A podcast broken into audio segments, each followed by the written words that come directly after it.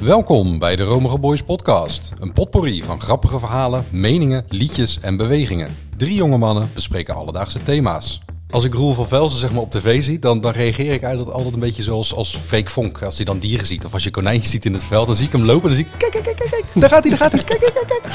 Zijn soms controversieel. Ik heb één, één, één keer heb ik het gedaan. Een hele rugtas vol. Toen liep ik vijf één minuten. nee, toen liep ik zo met een rugtas als klaar manneke. Dat snap ik wel dat je bang bent, ja. Okla- Oklahoma City. wat de- Was er Enschede. Maar eh, En hebben vooral een heleboel lol. Dat is gewoon zo'n zo'n ijzeren paal. Gewoon zo'n paaltje. was het een Amsterdammetje.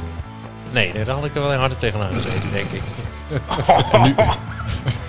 Elke week vind je een nieuwe aflevering in jouw favoriete podcast app. Heel veel luisterplezier.